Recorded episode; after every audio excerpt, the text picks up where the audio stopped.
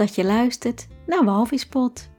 In deze podcastserie neem ik je mee op mijn walvisreizen en ik vertel over de communicatie, inzichten en wijsheden van de walvissen. Ik ben Mario van Dam en het begon allemaal in 2006, toen de walvissen geheel onverwachts mijn leven binnenzwommen. En ze zijn nooit meer weggegaan. Ze vormen een belangrijk deel van mijn leven. En ze zijn een deel van mij, net zoals ik een deel van de walvissen ben. Er is een mooie, zuivere, liefdevolle verbinding tussen ons ontstaan.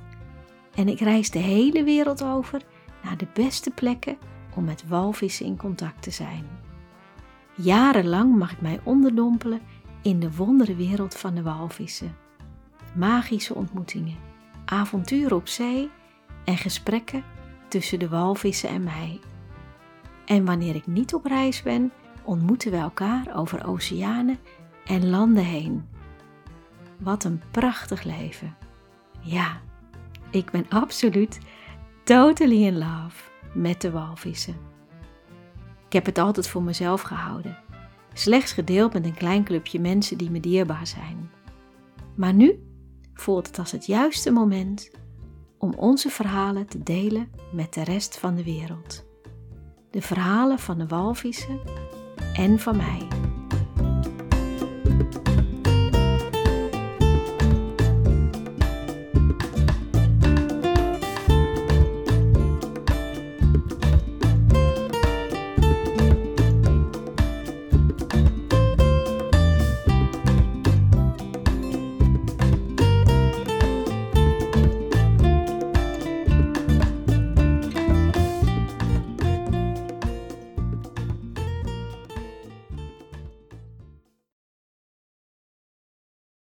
Vrijdag 7 augustus. Vincent en ik gaan opnieuw op reis. Op zoek naar walvissen en dolfijnen. En daarvoor gaan we een nieuw, redelijk onbekend eiland ontdekken. Ik ben er nog nooit geweest, maar het staat al wel een poos op mijn verlanglijstje. Het is niet zo'n lange vlucht, maar het is wel complex om daar te komen. Dus daardoor doen we er lang over. We hebben eerst een lange overstap in een grote plaats en dan vliegen we door naar een soort tusseneiland waar we deze nacht verblijven. En dan morgen vliegen we door naar het eiland waar we daadwerkelijk naartoe gaan. Zaterdag 8 augustus. Vandaag vliegen we met een klein vliegtuigje naar het eiland van onze bestemming. Daar hebben we een huisje gehuurd, een huisje van Nederlandse mensen, GNM. We vinden het heel erg leuk met het kleine vliegtuigje. We mogen zelf kiezen waar we gaan zitten, dus we kiezen een raamplek.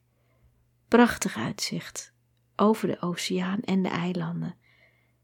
Omdat het maar zo'n korte afstand vliegen is, maar ongeveer een half uur, blijft het vliegtuig laag. Dan kan je alles wel heel goed zien. Veel te snel, inderdaad een half uur later, landen we al op het eiland. Daarna gaat alles supersnel. Koffer, alles is binnen 10 minuten geregeld. En G staat ons op te wachten. Hij herkent ons meteen en rijdt ons naar het huisje. Een prachtig geel huis met een heel groot overdekt terras, meer een soort veranda-achtig zou je kunnen zeggen. En een deel daarvan is ook niet overdekt, zodat we kunnen kiezen of we in de zon of in de schaduw willen zitten.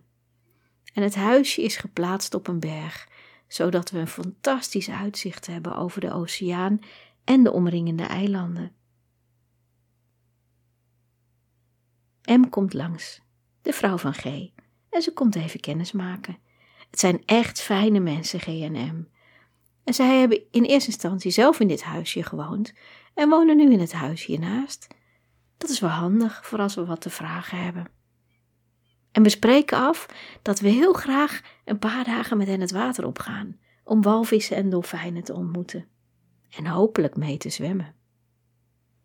M legt ons uit dat ongeveer 150 meter naar beneden lopend, dat we daar kunnen zwemmen en dat er ook een lunchrestaurantje is. Dat lijkt ons een heel goed idee, want we hebben nog helemaal niets te eten. Dus we lopen naar beneden. Het is heerlijk weer en we zitten daar op het terrasje en eten een heerlijk verse salade Dat blijkt een unicum te zijn, want op dit eiland eten ze bijna geen groenten. Dus dat is echt genieten op de allereerste dag. We kijken uit over de oceaan en we denken: wat een geluk dat we hier zitten. Dat geluk voelt even anders wanneer we even later weer naar boven lopen. Want de weg naar boven is echt stijl, pittig, heftig. En wellicht dat de warmte ons parten speelt of het reizen. Terwijl we eigenlijk helemaal niet moe zijn, maar het is echt een pittige klim. Dus we staan dan ook een gegeven moment hijgend halverwege op een kruispunt. Even uit te blazen voordat we verder lopen naar ons huisje. Maar ja, we hebben wel boodschappen nodig. En M heeft ons uitgelegd dat er op dat kruispunt, waar we zojuist even uitgeblazen hebben, een soort bakkerijtje is. Maar die hebben niet zo heel veel, dus 200 meter verderop zit een supermarktje. Daar gaan we lopend naartoe, want ja, we hebben nog geen ander vervoer. Nou, wat we ook zien, geen winkel. Dus we lopen een stuk door en we worden bij elke bocht getrakteerd op een prachtig vergezicht. Mooie bloemen, het, de eilanden om ons heen, de oceaan, maar geen winkel. Dan gaan we maar terug. En ineens zien we iets. Zou dat de winkel zijn? Dat die ons niet eerder is opgevallen. Maar het ziet er ook niet echt uit als een winkel. En wanneer we naar binnen willen gaan, blijkt de voordeur afgesloten te zijn. Oh, wat een pech. Dan verschijnt er een vrouw om de hoek en ze gebaart ons dat we met haar mee mogen lopen. En dan wijst ze ons op een deur, een achteringang van de winkel. En wanneer we binnenstappen, zien we een stampvolle winkel waar ze van alles verkopen: etenswaren, kleding, naaigerij. Je kunt het zo gek niet bedenken, of het ligt er. Wij zoeken fruit uit: tomaten, uien. Er is geen brood, nou ja, dan maar een pakje crackers. Twee grote flessen water en ook nog een watermeloen. Engels wordt er niet gesproken, dus dat is wel even een dingetje. Maar we komen er prima uit met handen en voeten. En dan gaan we lopend weer terug. Poeh, dat is toch wel een dingetje zeg. Lopend met die boodschappen in de warmte. En dan uiteindelijk ook nog die pittige steile klim. we zijn helemaal kapot wanneer we bij ons huisje staan. En we brengen snel de spullen in de koelkast en dan lopen we toch nog even terug naar het kruispunt, naar het bakkertje, die wel gewoon open is en waar we ook nog wat brood en wat extra water halen. Voorlopig redden we ons wel. Innig tevreden zitten we op ons terras met een kopje thee. Het is hier geweldig. En wat een uitzicht. In de avond gaan we uit eten. Uit eten is hier bijna net zo duur als zelf koken. En het is ook gewoon leuk om de eerste avond lekker samen uit eten te gaan. Het naburige dorpje is ongeveer drie kilometer lopen. En we lopen een prachtige weg langs de kust. Met allemaal van die mooie zwarte rotspartijen waar de golven doorheen slaan. We kunnen dan gelijk een beetje oefenen voor de wandelingen die we op dit eiland willen gaan maken. En in het dorp ontdekken we inderdaad al snel een restaurant. En dat restaurant heet O Barbecue. Nou, oh oh, je raadt het al. Alleen maar vleesgerechten. En wij eten geen vlees. Er schijnt nog een restaurant te zijn. Maar wanneer we daar navraag over doen, komen we er eigenlijk niet uit. Want de mensen hier spreken gewoon geen Engels, alleen maar hun eigen taal. Dus we lopen een beetje rond door het centrum, proberen op internet een beetje wijs te worden, maar komen er niet uit. En dan lopen we langs de Sunset Bar. Daar staat een man buiten. En godzijdank spreekt hij zowel Engels als dat hij de, de plaats kent. Een unicum. Hij wijst ons de weg. Hier naar boven. Ongeveer vijf minuten naar boven lopen. En ook dat is weer zo'n enorm steile weg. En weer pittig, zwetend, hijgend lopen we naar boven. We komen langs een tuin waar een man zit en een vrouw en wat puberkinderen. En ze vragen ons: waar gaan jullie naartoe? We zeggen: Nou, we gaan naar een restaurant. Is dat hierboven? Ja, zeker, dat is hierboven. En ze zeggen dat we er bijna zijn. Dat klopt ook, nog een paar minuutjes. Alleen, het restaurant is dicht. Gloeiende, gloeiende. En dat op zaterdagavond. Gewoon dicht. dat kan je in Nederland niet voorstellen. Op zaterdagavond is topdrukte, dus wij zijn echt verbaasd dat het restaurant dicht is. Dus we lopen weer naar beneden met knorrende magen en opnieuw langs het gezin. Heb je het niet gevonden? vraagt de man. Jawel, zeggen wij, maar het is gesloten. Gesloten, zegt hij. Ik heb er vanmiddag nog geluncht. Dat is raar. En hij roept naar de keuken: Ma, we hebben toch nog soep? En dan worden we uitgenodigd in de tuin en gaan we eerst een drankje drinken. Wij zijn een beetje verrast over deze gastvrijheid. En het blijkt een Canadees gezin te zijn. De moeder is hier geboren. En haar zoon, die ons aansprak op onze weg naar boven en naar beneden, is hier geboren. Hij heeft hier vier jaar gewoond en daarna zijn zijn ouders naar Canada geëmigreerd. Hij heeft ook zijn vrouw bij zich en hun twee puberkinderen. En ze vertellen dat ze dit huis altijd aangehouden hebben. En dat ze dat verder willen uitbreiden, wat groter willen maken als een soort familiehuis. En dan ongeveer vier maanden per jaar hier verblijven. De moeder komt te buiten. Ja, er is inderdaad nog soep. Tomatensoep. Ze blijkt echt fantastische tomatensoep gemaakt te hebben. Zo lekker. Wij voelen ons wel een beetje bezwaard, want ja, we zitten hier nu wel hun eten op te eten. Nee, zeggen ze, dat is helemaal niet nodig. Wij houden helemaal niet van restjes, dus we zijn blij dat iemand het helpt opeten. En naast de soep is er ook nog lekker brood. Met kaas, olijven. En even later komt er ook nog watermeloen en rijstpudding op tafel. Ik zit werkelijk stampvol. Ik betwijfel ook of wij in een restaurant beter gegeten zouden hebben, want je proeft daadwerkelijk de liefde van de kok in dit geval de kok in, terug in haar gerechten. Na het eten zeg ik: Zal ik even helpen met afwassen? Maar daar willen ze niets van weten. Moeder vertelt dat haar man vorig jaar is overleden, na 58 jaar huwelijk, en dat ze haar maatje nog steeds mist. Ze heeft het er nog dagelijks moeilijk mee. En ik vraag haar waar ze het liefst wil wonen waar ze zich het beste voelt, waar ze zich het meeste thuis voelt. En dan zegt ze: Ja, hier voel ik me echt het allerfijnst. Maar ik blijf toch in Canada, vanwege mijn kinderen en de opgebouwde zekerheden.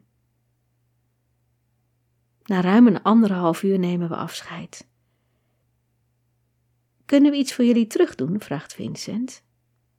En de zoon zegt: Als jullie ooit mensen ontmoeten in een soortgelijke situatie, dan hoop ik dat jullie ze ook helpen, net zoals we nu met jullie gedaan hebben. Dat beloven we. Wat een mooie gedachte. De zoon wil ons ook nog met de auto terugbrengen naar ons huisje, maar dat hoeft niet. We gaan lopen, zo beter om mijn eten een beetje te laten zakken. En na nog een keer bedankt en gezwaaid te hebben, wandelen we de steile weg weer naar beneden. Door het dorp heen en weer naar de kust. We zijn onder de indruk dat ze ons zomaar geholpen hebben. Geen idee wie we, wie we zijn en we werden zomaar uitgenodigd om mee te komen eten.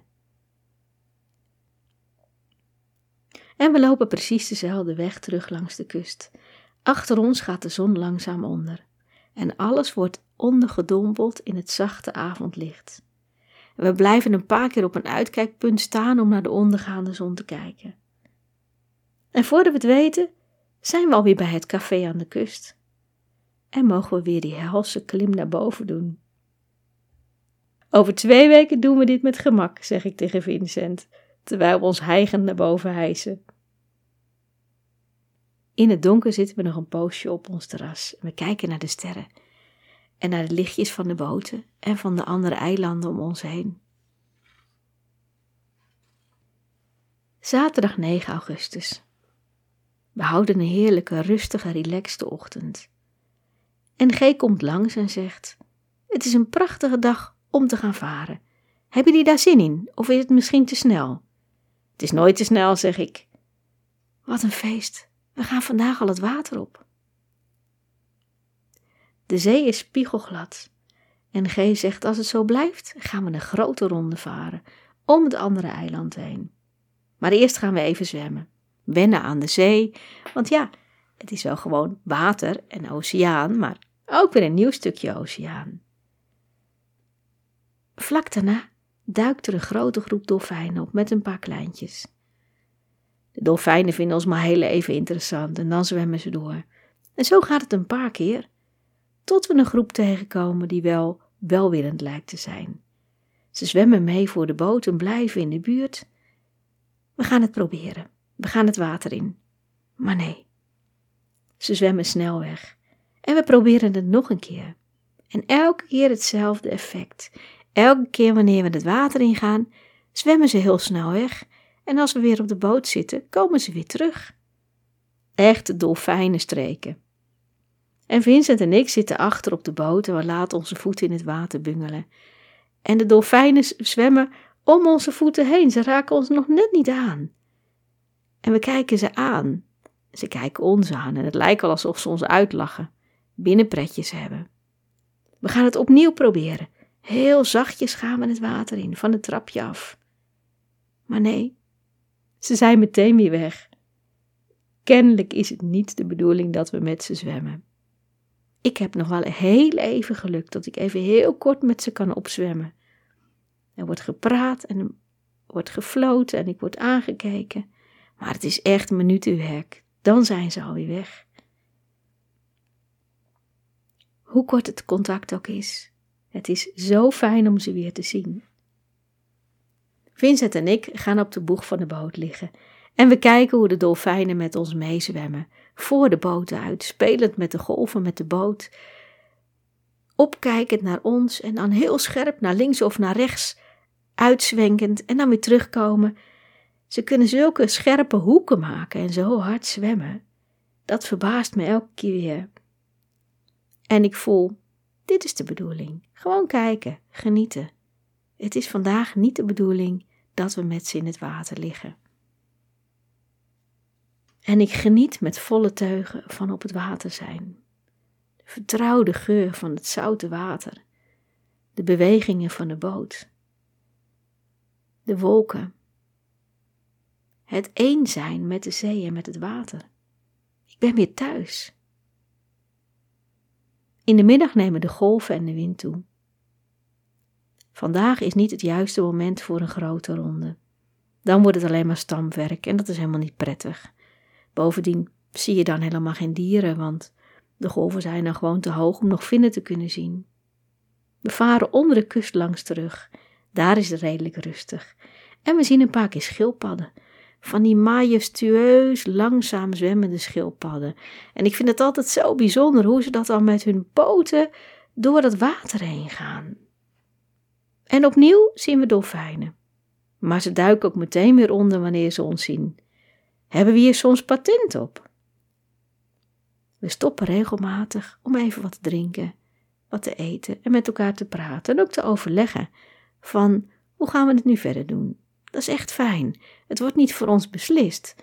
We zijn met z'n vieren in overleg van ja, hoe, hoe gaan we nu verder? Wat zou je willen? En na overleg besluiten we naar de andere kant van het eiland te varen. Letterlijk een andere kant van het eiland. Want deze kant van het eiland is gewoon wat ruwer en wat grover. En we zien ook een puntige rots uit de zee omhoog steken, vlak voor de kust. En dan ineens zien we vinnen. Dwergvinvissen. Die heb ik echt nog nooit gezien. En die komen normaal gesproken nooit zo dichtbij, maar nu komen ze heel dicht bij de boot. En dat is bijzonder, want dwergvinvissen zijn vrij schuw. Maar het kijken is al geweldig. En dan het geluid van hun ademhaling. Dat werkt op mij als een meditatie. Het luisteren naar hun ademhaling. Heel rustig. En ook met een heel strak ritme. Ineens duiken ze onder water en zijn ze weg. De wind steekt op. We gaan terug richting de haven. En vlak bij de haven gaan we nog even snorkelen. In een, in een soort kom die gevormd is door een krater van een vulkaan. Die krater ligt onder water. En het is heel bijzonder om in zo in die kom te zwemmen en dan onder water ook om je heen te kijken en te denken van ja, de krater van een vulkaan. En daar zwemmen we nu in. En ik ben heel veel op de vulkaan geweest op het andere eiland, maar dat was gewoon op land. En nu zwemmen we in een vulkaankrater. En we zwemmen een beetje rond. En op een gegeven moment gaan we het hoekje om bij de krater. En dan komen we plotsklamp in ijskoud water. Zo'n groot temperatuurverschil dat we allebei een beetje rillend in het water liggen. Snel terug naar de warmere stromen.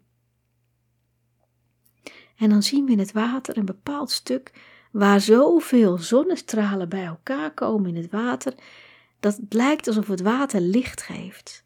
We zien niets anders meer in het water dan dat licht. En heel diep in de verte hoe die stralen als een punt bij elkaar komen. Dat blijf ik altijd zo magisch vinden, hoe dat licht zo dat water doorboort. Na een klein stukje varen zijn we terug bij de haven. Wat een mooie dag. En wat een heerlijk relaxte sfeer op de boot. Met z'n vieren waren we één met het water. Ja, G&M zijn absoluut fijne mensen. En wat ik ook heel fijn vond, dat we maar met z'n vier op de boot waren. In de avond gaan we met z'n vieren uit eten bij een heel speciaal restaurant. Ze hebben een soort buffet met veel vis en groentegerechten. Is echt super lekker. Allemaal lokaal eten. En het is gezellig om met G&M aan tafel te zitten. Het zijn ontwikkelde mensen met een brede interesse, dus we hebben echt hele leuke gesprekken. Fijn, fijn dat we bij deze mensen te gast zijn. S'avonds laat zitten we nog op ons balkon met een kopje thee. En we genieten na van de dag. Maar niet zo heel lang, want onze ogen vallen al heel snel dicht. Even hebben we de neiging om op de, op de tuinstoelen, de terrasstoelen te gaan slapen, maar nee, we gaan gewoon echt lekker naar bed. Maandag 10 augustus. Onze auto wordt gebracht. Een gloednieuwe Opel Corsa. Handig, nu gaan we in de hoofdstad naar de supermarkt. Laten we hopen dat ze daar wat meer variëteit in groenten hebben. Maar nee hoor, er is van alles te koop tot koelkast aan toe. Het is een supergrote supermarkt. Maar weinig groente en fruit. Ja, dan wordt het gewoon diepvries. We doen ook nog een beetje sightseeing. Klein beetje rondrijden op het eiland. En verder houden we een hele rustige dag. Wanneer we terug zijn op het terras, gaat het keihard regenen. En dan zitten we onder ons afdakje te kijken naar de regen. En hoe de lucht echt bijna dezelfde kleur heeft als de oceaan. Alles lijkt wel grijs te zijn ineens. Ja, we zitten hier midden op de oceaan, dus het weer kan hier van het een op het andere moment omslaan. En G zei gisteren al tegen ons dat uh, we op, op één dag hier wel vier seizoenen mee kunnen maken. Dat het heel normaal is. Dus dat je niet kunt bedenken, ik ga vandaag dit doen.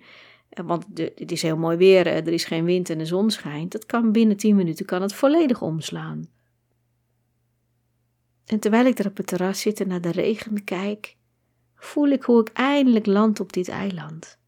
De afgelopen maanden waren heel druk met werken, de opleiding die ik volg, nieuwe yogaruimte van Vincent inrichten en we hebben ook nog trouwplannen. Het is een flinke omschakeling van een overvolle werkweek naar hier. En ik merk dat ik eindelijk weer in de rust kom. Dinsdag 11 augustus. Het is de hele avond en nacht heel slecht weer geweest. En wanneer we wakker worden, regent het nog steeds keihard en waait het ook heel hard. Dus ik verdiep me lekker in de boekjes met wandelingen over het eiland. En sommige wandelingen spreken over dat je geen hoogtevrees moet hebben, want dat er toch best wel veel bergwandelingen zijn. En de schrik slaat me om het hart, want ik heb echt wel hoogtevrees.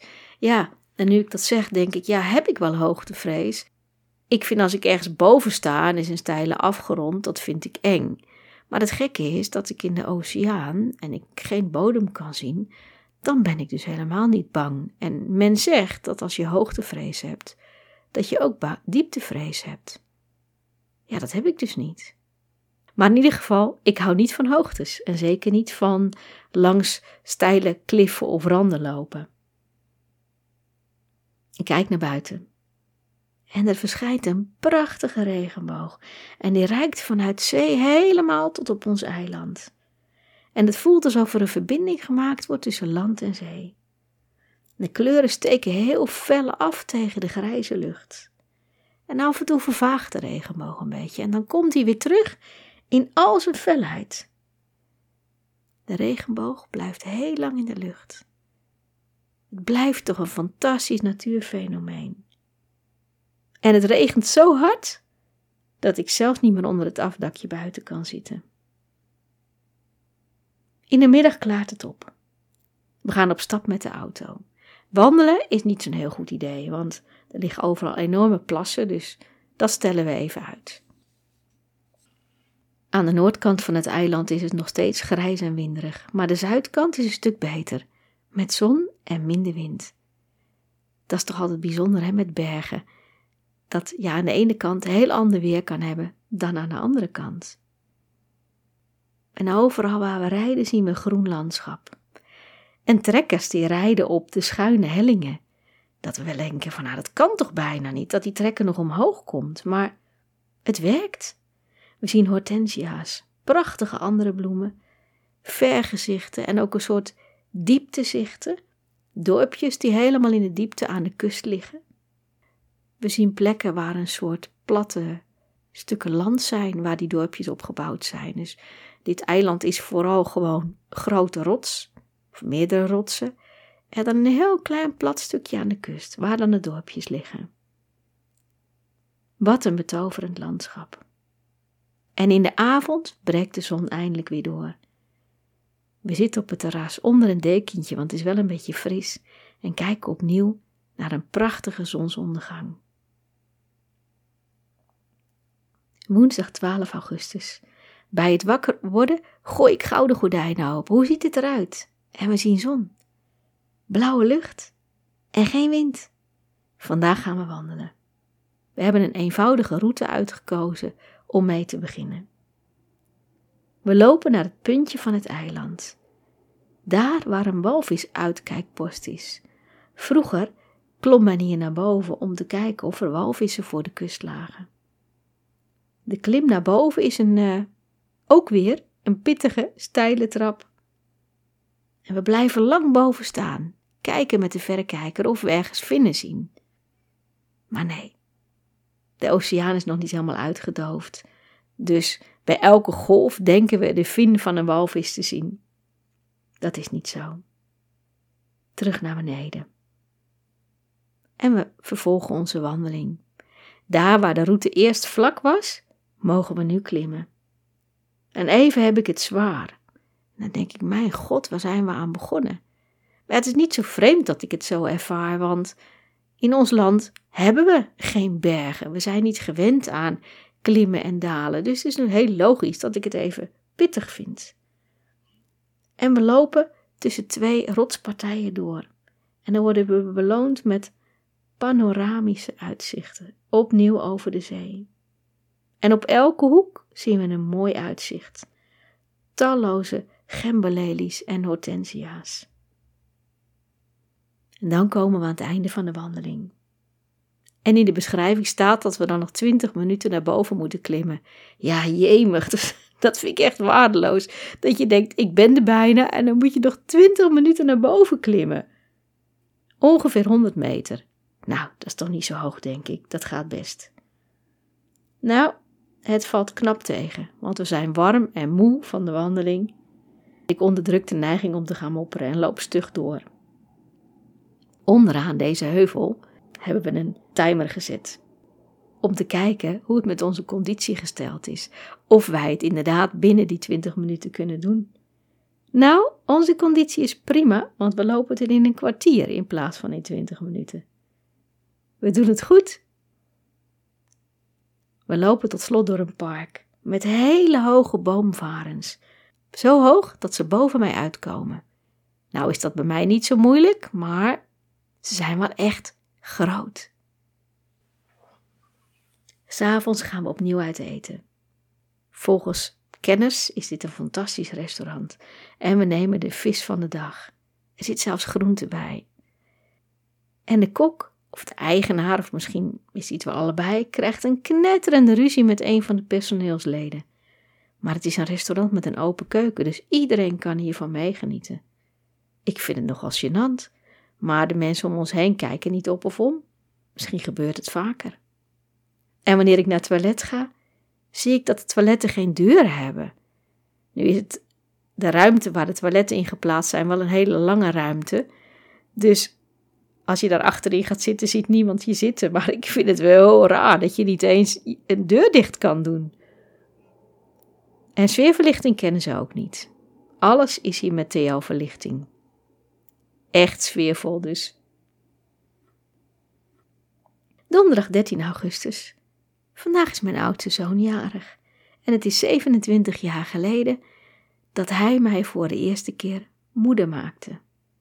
Dus ik ga hem even bellen. De verbinding is slecht, maar ik heb in ieder geval even de gelegenheid om hem te bellen. Vandaag gaan we opnieuw een wandeling maken. En op de heenweg gaan we langs de mooiste kerk van het eiland, volgens de boekjes. Nou, die willen we wel even zien. Maar ook de kerk is gesloten, zoals we al vaker meegemaakt hebben. Dingen zijn hier gewoon random dicht of open, al nagelang hun pet staat. Er hangt een briefje dat de kerk verbouwd wordt en dat die daarom gesloten is. Nou ja, dat is dan een legitieme reden. Later vertelt G ons dat deze kerk al 16 jaar verbouwd wordt. We bekijken een oud dorpje met authentieke kleine stenen huisjes. En hele smalle paadjes, weggetjes. En een piepkleine haven waar mensen heerlijk aan het zwemmen zijn. Dan rijden we verder naar het beginpunt van onze wandeling.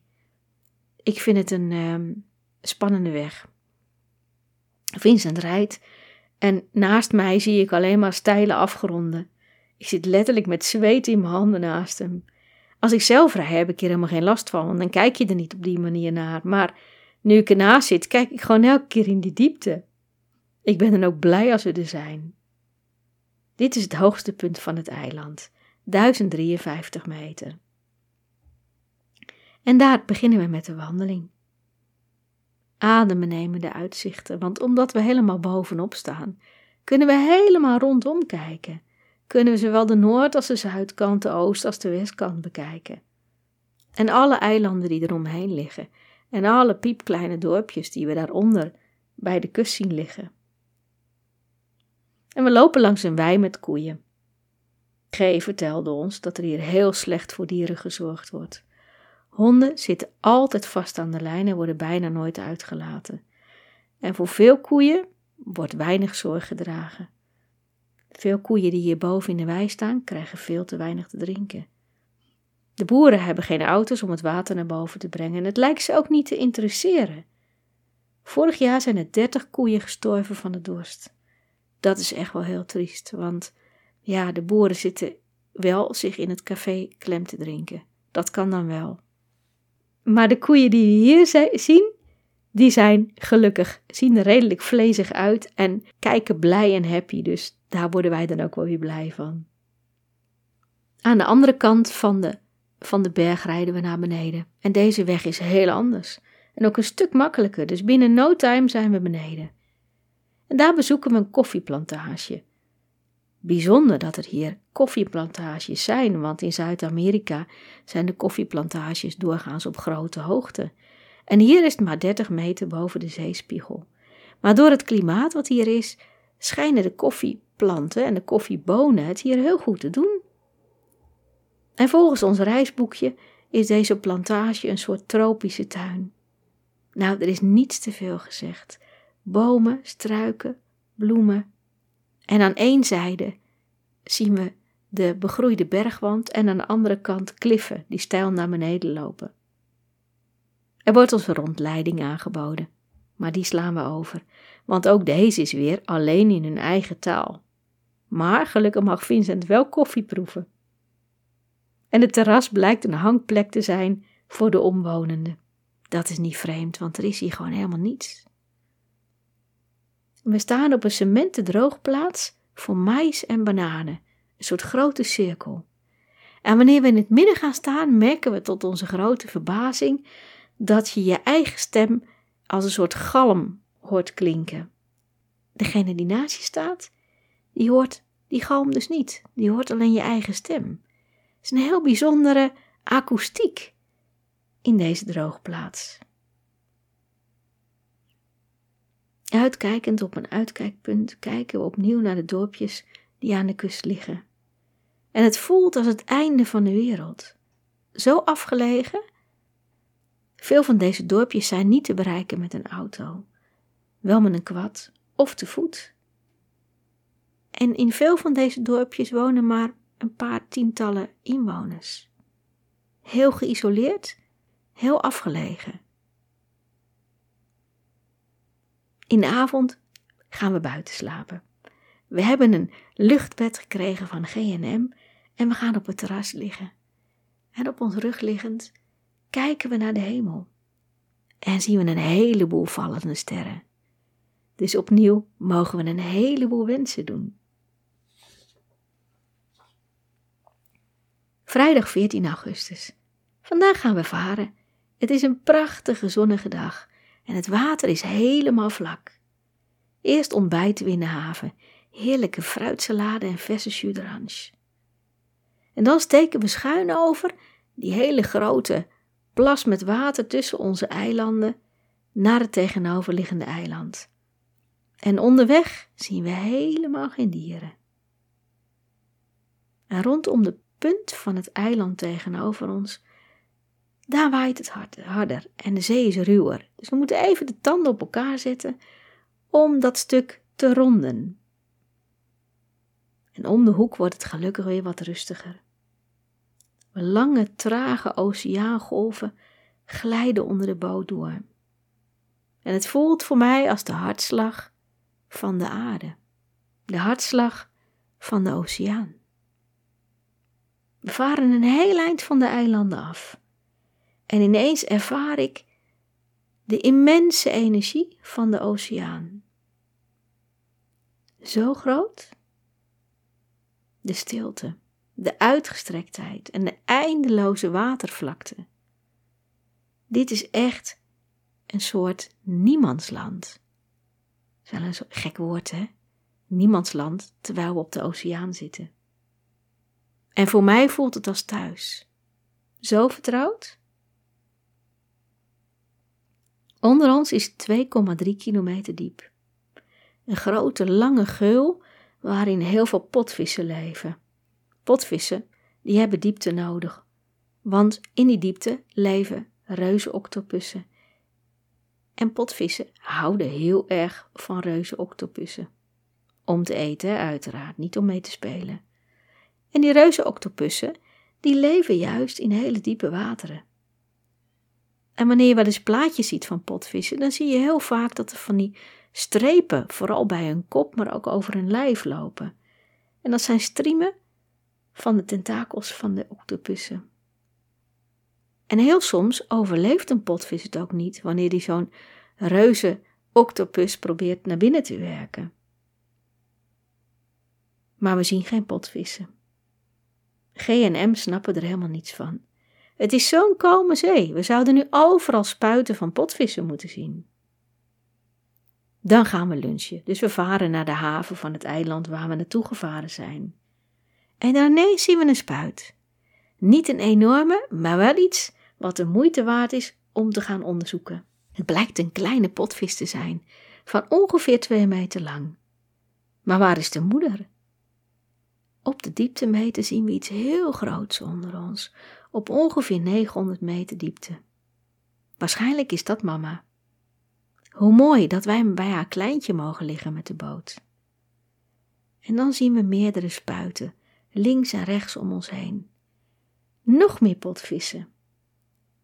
De moeder komt naar boven en we varen een klein poosje op met de moeder en het kind. Ik zou er wel in willen. Maar ja, dat is niet zo verstandig met zo'n kleintje erbij. We houden het bij kijken. Wat een indrukwekkend dieren. En dan zo'n bijzondere kop die ze hebben, zo'n soort vierkante kop. En het kleintje laat zijn staart zien wanneer die naar beneden gaat. Het lukt net niet helemaal, maar het is een goede poging. En mama showt ons haar hele staart in vol ornaat wanneer ze onderduiken. En ze blijven ook onder. Dus we richten op ons op de andere potvissen. Het geluid van hun ademhaling, weer heel anders dan van het dwergvinvissen. En het openen en het sluiten van hun ademhalingsgat. is een soort karakteristiek geluid. En dan die spuit die hoog de lucht ingaat. Ik word er stil van. Ook dit is weer zo'n soort meditatief moment. Steeds die ademhaling. Met een soort ritme erin. En dan duiken alle potvissen onder en zijn ze weg. We varen door. Nog steeds willen we gaan lunchen op het eiland. En dan zien we een dwergvinvis. En even later ook nog schildpadden en dolfijnen. Nu gaan we wel het water in. En voor mijn doen kom ik heel dicht bij de schildpad in de buurt. Ik vind schildpadden altijd een beetje eng. Op de een of andere manier ben ik altijd bang dat ze bijten. Maar in dit geval ga ik er heel rustig bij liggen en kijken. En de schildpad die dobbert gewoon een beetje in het water. En ik kijk naar het patroon van zijn schild. Zo karakteristiek met die vakjes. En de schildpad kijkt mij aan. Met van die kleine ronde zwarte kraaloogjes. En ineens ben ik niet meer bang.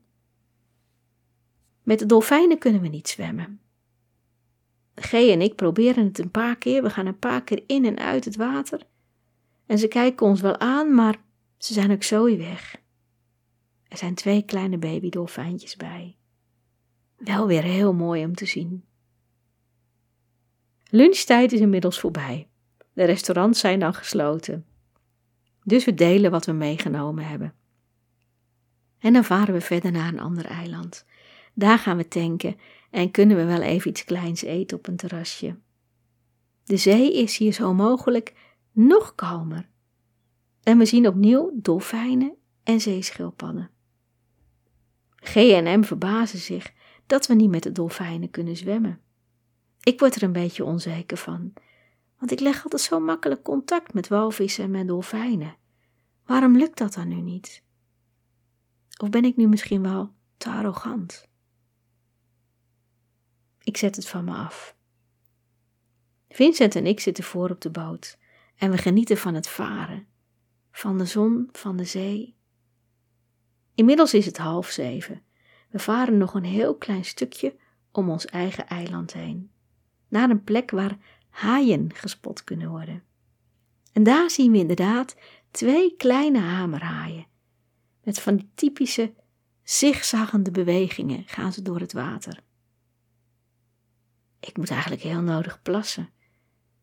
Dat uh, vind ik best een beetje spannend om hangend aan het trapje te gaan plassen met wat van die kleine hamerhaaien in de buurt. Dit is best wel wat spannender dan normaal gesproken aan het trapje hangen. Maar de hamerhaaien laten zich helemaal niet meer zien, ze zijn gewoon voorbij gezwommen. We zien een uitgestorven dorpje. Weer zo'n dorpje dat alleen per voet te bereiken is. En er woont daar nog maar één persoon. Deze kant van het eiland heeft het zwaarder in verband met de wind en de wolken en de golven dan onze kant van het eiland. En daarom is het dorp ook grotendeels leeggelopen. Je kan je toch gewoon niet voorstellen dat je hier in je eentje woont.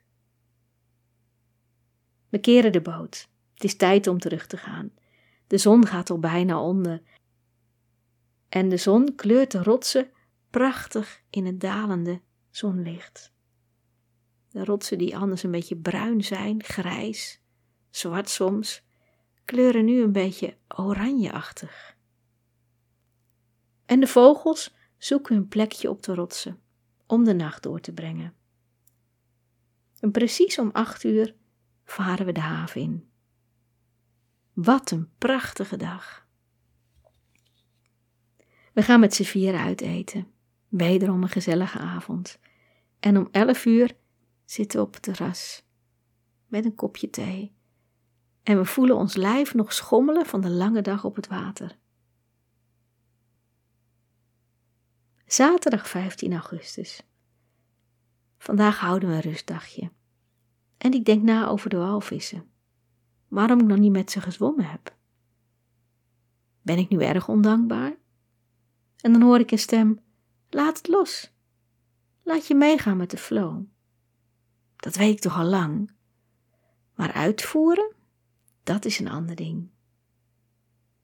S'avonds gaan we naar een grotere plaats waar een processie wordt gehouden. En wij vragen ons af of we die wel kunnen vinden, want ja, er wordt hier gewoon niets aangegeven op het eiland. Hoe erg kunnen we ons vergissen? Het hele eiland lijkt wel uitgelopen. En voor zover we kunnen zien, zijn wij de enige toeristen. Ik ben blij dat ik wel even een jurkje aangetrokken heb. En Vincent een lange broek met een shirt met mouwen. En voor het eerst dat we op dit eiland zijn, zien we jonge mensen. Ik kan me voorstellen dat ze juist naar deze gelegenheden komen om andere jonge mensen te ontmoeten. Er zijn vier fanfares. En op de weg naar boven liggen allerlei versieringen, een soort schilderijen met bloemen. En wanneer de klok zeven slaat, wordt alles stil. En na een kwartier gaat de kerk open. En worden alle heiligen één voor één naar buiten gedragen, omlijst door fanfaremuziek. En alle mensen lopen erachteraan en met zo'n typisch schommelende stoet van links naar rechts. Tegelijkertijd wordt de knalvuurwerk afgestoken. Wij kijken de stoet na en gaan dan terug naar de auto. En we passeren een grote muziektent op het plein. En ik zou me zo voor kunnen stellen dat er vanavond een heel groot feest is en dat er heel veel gedronken wordt. Daar zijn ze heel goed in, op dit eiland. Wat is er eigenlijk bijzonder aan dit eiland? Ik zal je wat details geven. Er zijn heel weinig toeristen hier en daarom spreken ze eigenlijk alleen hun eigen taal. En wordt alles ook slecht aangegeven of in hun eigen taal aangegeven. Restaurants zijn zomaar open of dicht. Er is geen enkele logica in te ontdekken. Toiletdeuren hebben vaak geen slot. De algemene regel is: wanneer de deur dicht is, dan is de wc bezet. Er wordt heel veel vlees en vis gegeten, aardappelen, brood en kaas. Heel veel eiwitten dus en heel weinig groente en fruit. Er zijn twee verkeerslichten op het eiland. Normaal gesproken kan je altijd gewoon doorrijden, behalve als je te hard rijdt. Dan gaat het verkeerslicht op rood. Een soort straflicht. De eilanders houden van landje pik. En wanneer je hier een huis of een auto wil kopen, dan staat er nooit een prijs bij. Het is de bedoeling dat de koper zelf een bedrag noemt. Dat wordt dan door de tegenpartij altijd als beledigend ervaren en dan beginnen de onderhandelingen.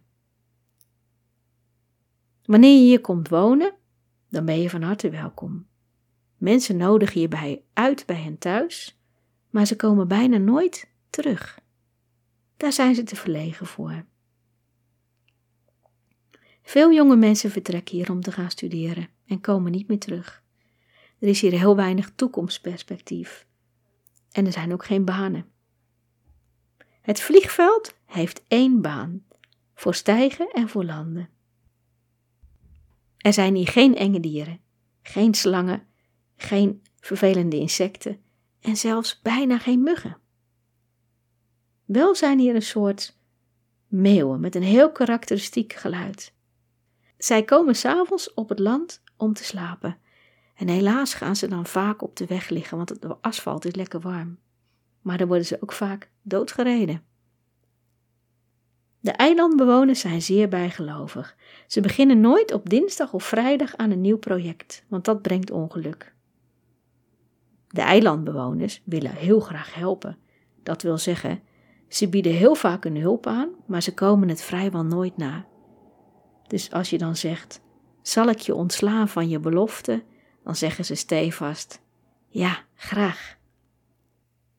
Ze brouwen hier hun eigen wijn en jenever. De inwoners van dit eiland doen vrij weinig. Ze brengen hun dag door met veel zitten, praten en bij elkaar op bezoek gaan. En het lijkt wel alsof de tijd hier een beetje stilgestaan heeft. Alsof ze geen behoefte hebben om zich verder te ontwikkelen. Maar misschien past het ook wel bij het eilandleven.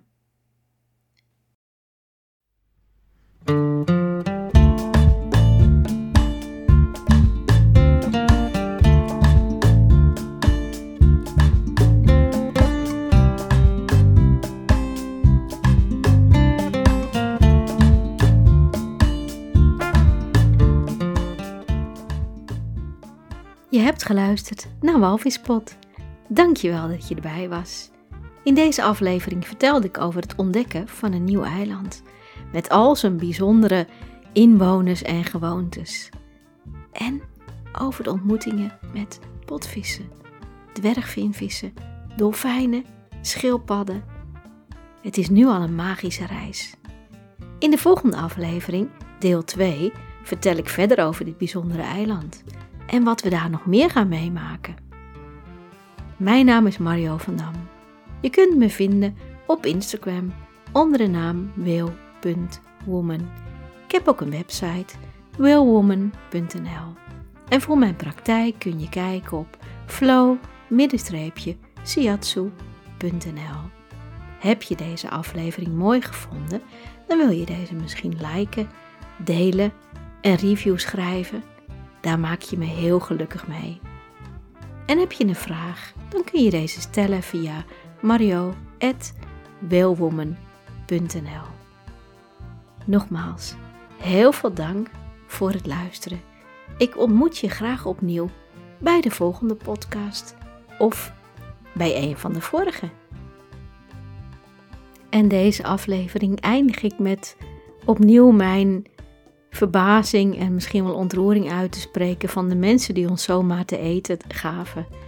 Die ons spontaan uitnodigden en gewoon dat wat ze hadden met ons deelden. Heb jij wel eens iets zoiets meegemaakt? Dat mensen je zo belangeloos geholpen hebben?